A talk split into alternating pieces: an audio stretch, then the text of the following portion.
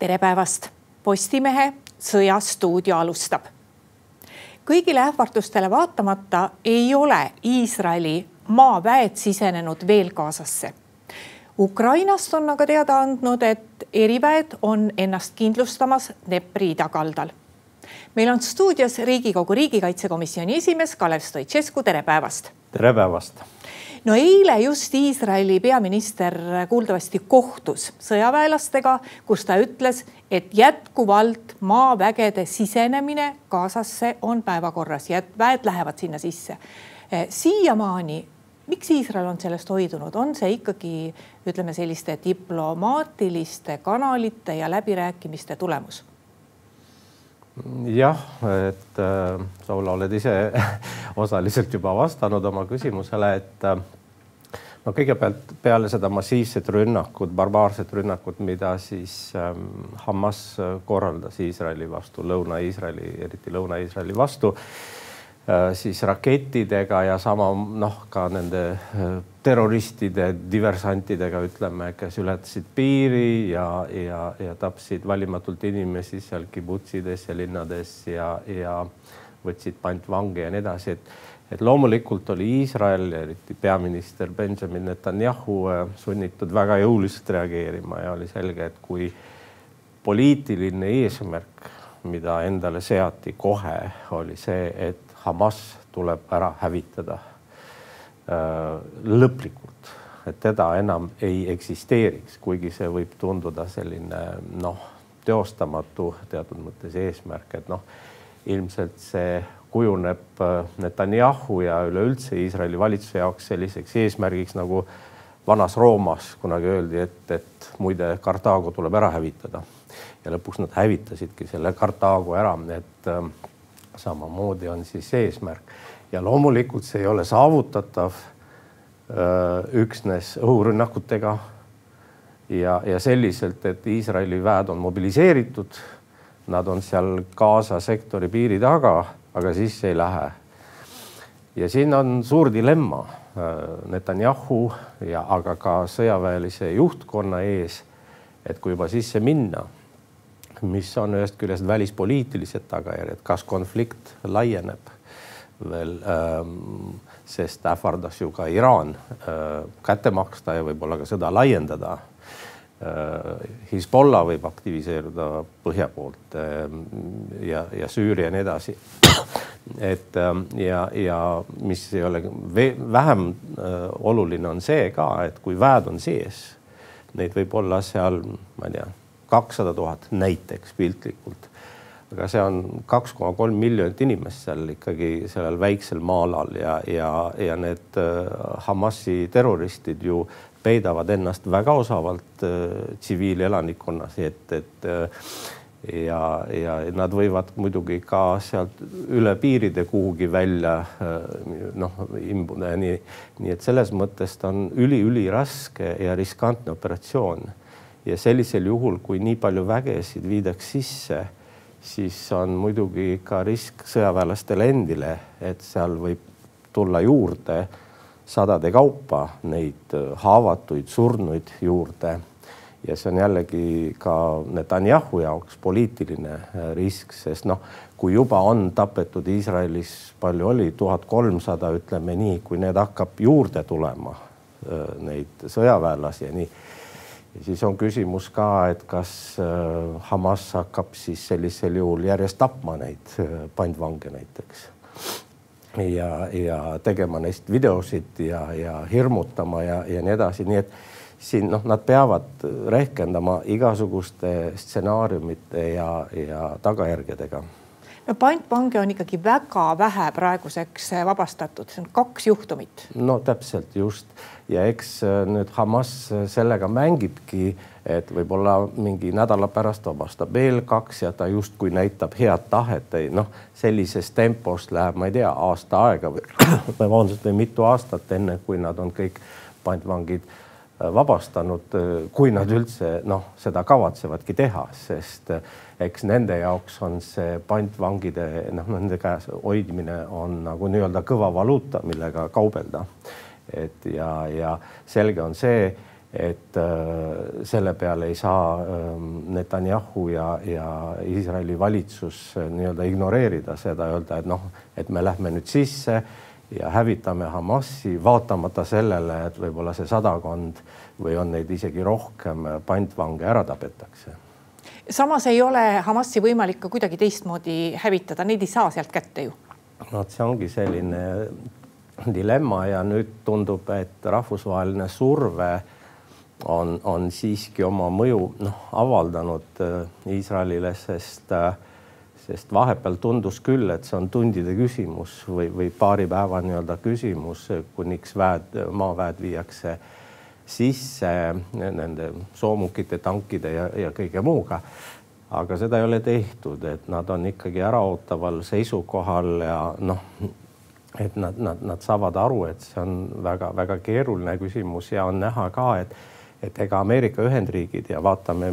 noh, milliseid sõnavõtte on teinud president Joe Biden, ka Euroopa Liit. et äh, loomulikult kõik toetavad äh, Iisraeli, sest Iisrael ju langes rünnaku ohvriks seekord, nii et, et aga ka mitte päris tingimusteta. selles mõttes, et äh, noh, eks Iisrael peab ka, ka tagasi tõmbama natukene nüüd oma äh, nende õhurünnakutega, ütleme, sest äh, mõned äh, linnaosad seal Gazas, ütleme põhjaosas on noh, täiesti maatasa tehtud, ka seal on juba mitu tuhat äh, surnut, et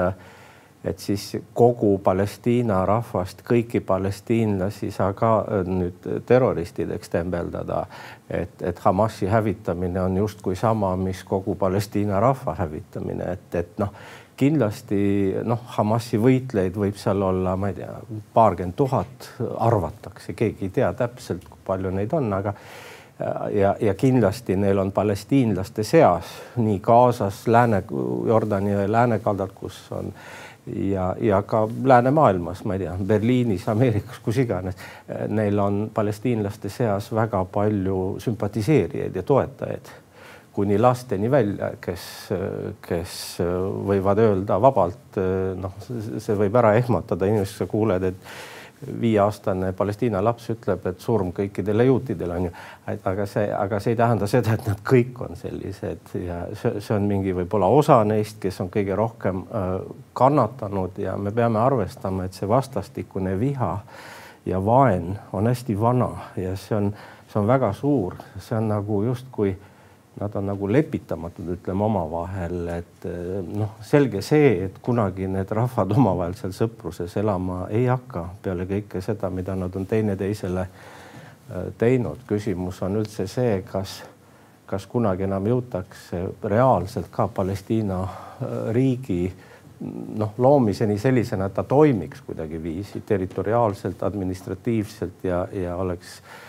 jätkusuutlik ja seda saaks kui riiki vaadata, kui sellist, seda ei ole ju. ja, ja siis sellises riigis loomulikult Hamas ei saa otsustavat rolli mängida, nagu ta seal Gaza sektoris äh, on, on olnud, et, et äh,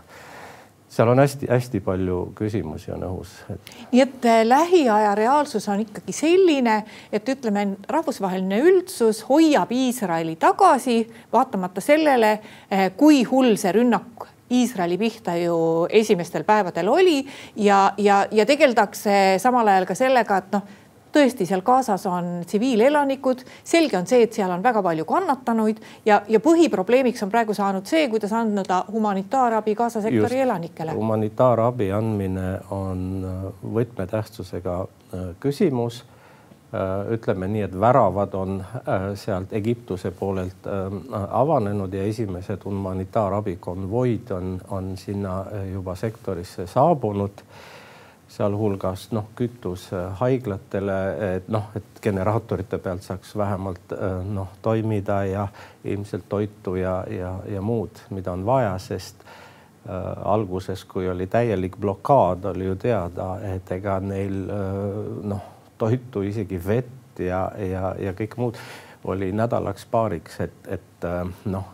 ja siis äh, noh, mis siis oleks saanud, ütleme, kui, kui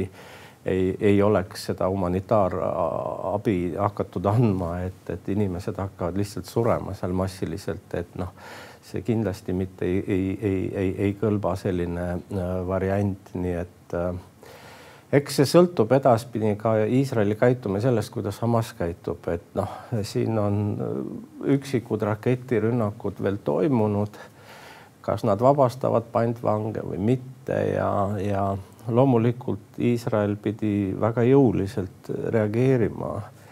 näitamaks palestiinlastele ja, ja Hamasile, et kui nad ründavad Iisraeli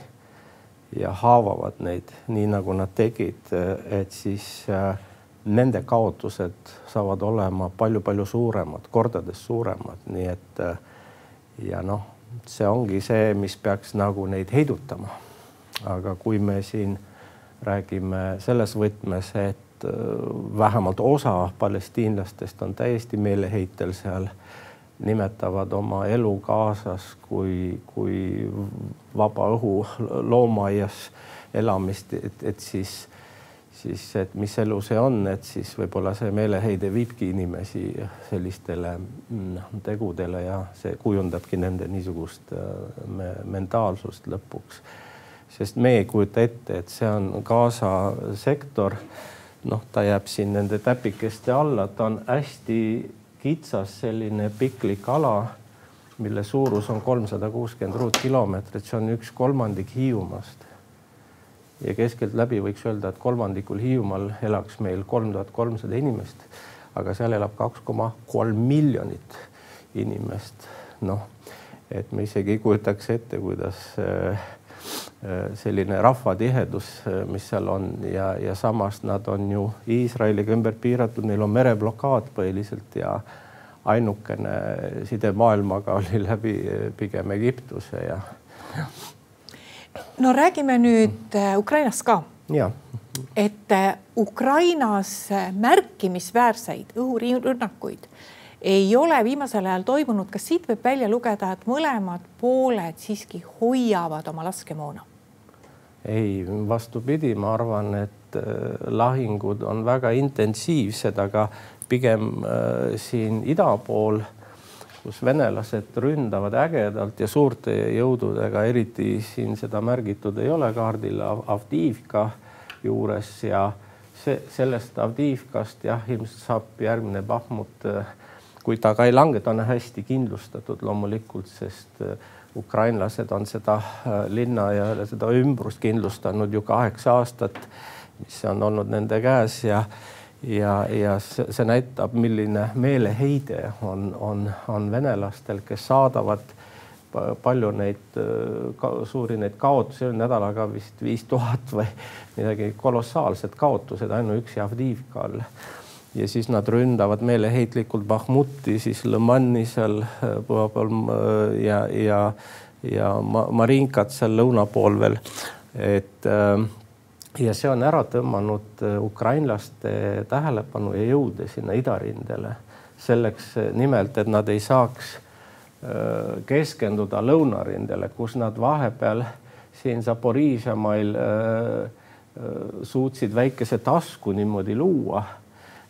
seal Robotini all, aga me ei ole kuulnud, et seal oleksid nad saanud väga palju edasi edeneda, olid juttu, et oh, läksid esimesest kaitseliinist üle ja võib-olla isegi vaata, et varsti juba teisest kaitseliinist, aga teise ja kolmanda vahel äh, venelased äh, rajasidki ju ka veel ühe kaitseliini, nii et noh, põhimõtteliselt see, kui mitu kaitseliini seal on, see, see ja kus nad on, see kõik võib ajas muutuda. Ja, ja ega okupandid ei kaota niisama aega, nad kogu aeg kindlustavad ennast äh, seal ja kaevavad ennast sisse nii-öelda, et äh, et tundub, et tõepoolest seal väga suuri uudiseid kahjuks lõunarindelt ei ole. nüüd on ilmselt valmistumine talveks ja, ja, ja siis ilmselt venelased koguvad rakette, droone, kõike muud selleks, et äh, taaskord, nii nagu eelmisel talvel, rünnata Ukraina siis energiataristut, ütleme, et, et ukrainlastel poleks elektrit mitte ainult kodudes, vaid ka ettevõtetel ja nii edasi. siis kannatab ju kõik, ka side ja, ja, ja kõik muu, eks ole, ja, ja siis noh, nad ju ründasid ka veevärki ja no mida kõike, eks ole, ja noh, nüüd me näeme, kuidas isegi erapostifirmade ladusid on rünnatud,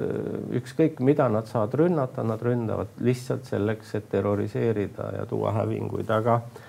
noh, on ka häid uudiseid, et noh, Saksamaa nüüd siis annab selleks talveks ettevalmistumiseks Ukrainale üks koma neli miljardit eurot või selles väärtuses abi,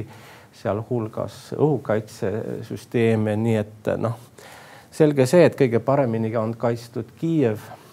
ja peabki olema, see on pealinn ja seal elab ka palju rahvast ja seal on noh, riigivõimu ja valitsuse, ütleme esindust ja parlament ja kõik, aga aga jah, väga paljud kohad Ukrainas noh on sisuliselt õhukaitseta ja, ja nad on rünnatavad või siis õhukaitse on seal nõrk, ütleme, ei ole piisav, nii et et eks jah, elame-näeme siin kuidas? No aga see, et venelased veel sellist massiivset õhurünnakut energiataristu pihta, nagu eelmisel aastal oli, eelmisel talvel oli, ei ole veel teinud, et kas see räägib nüüd sellest, et neil ikkagi ei ole rakette ja droone nii palju või, või pigem sellest, et noh, nad ootavad seda paremat aega, et las läheb veel külmemaks? just, ma arvan, et nii see on ja, ja kuna praegu on näha ka, et, et ukrainlastel siiski ei õnnestu väga edeneda, vaatamata sellele, et alguses sai mainitud, et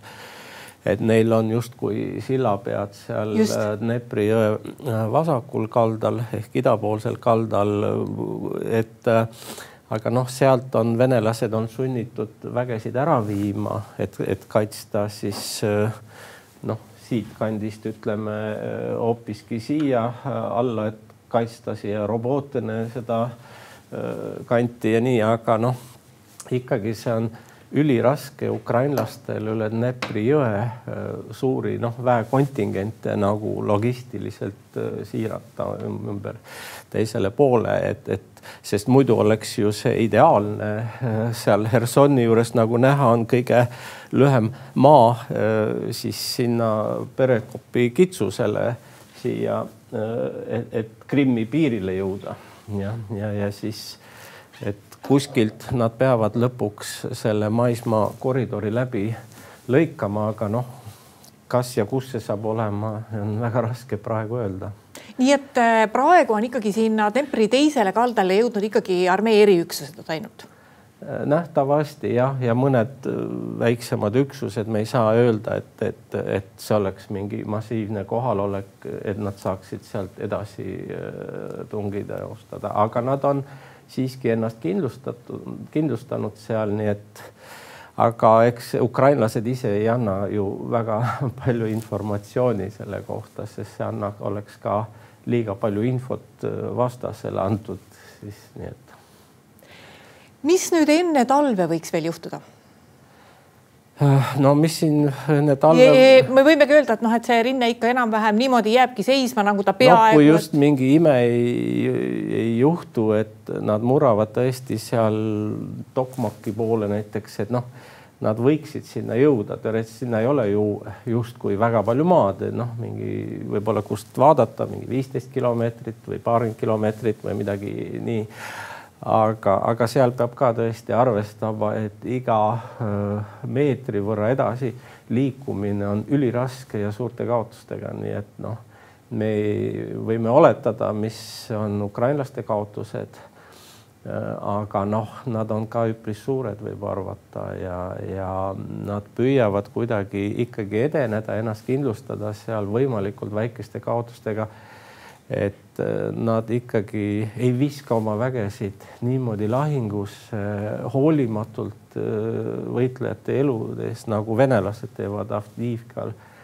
see on ikka uskumatu, see on noh, sama nagu teises maailmasõjas või, või siis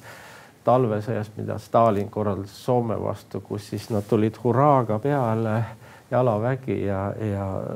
Soome snaiprid ja kuulipildu ei, ei, jõudnud neid Äh, ära tappa kõiki niimoodi, et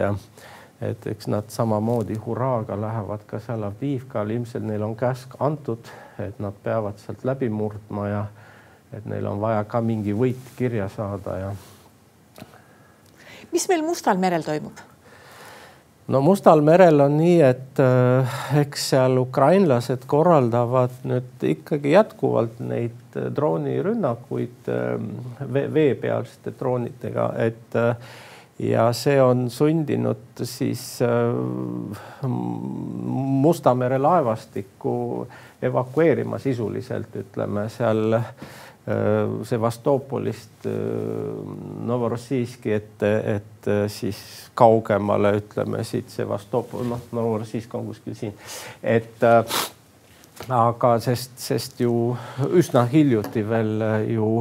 sai ju kaks Vene sõjalaeva korralikult pihta seal need korvetid või, või, või need raketikaatrid, nii et, et see on suhteliselt noh, suur kaotus Venemaa jaoks ja, ja nad on päris palju kaotusi tegelikult kandnud seni selles sõjas seal Musta mere laevastikus, nii et nad on muutnud, muutunud väga ettevaatlikuks ja pidada ära. nii et, aga see ei tähenda seda, et, et see Musta mere laevastik oleks nüüd täiesti äh, võitlusvõimetu või, või kasutu. noh, nii et, et nad võivad alati kuhugi poole liikuda lähemale, sealhulgas allveelaevad selleks, et välja tulistada rakette, ma ei tea, Odessa näiteks, Odessa pihta või, või nii et eks Ukraina hoiab äh, nendele Venemaa mereväe alustele pidevalt silma peal ja eks liitlased ka. aitäh, Kalev Stoicescu tulemast meie Sõjastuudio saatesse ja aitäh ka kõigile neile, kes meid vaatasid. Postimehe järgmine otsesaade on eetris juba homme. seniks lugege uudiseid postimees.ee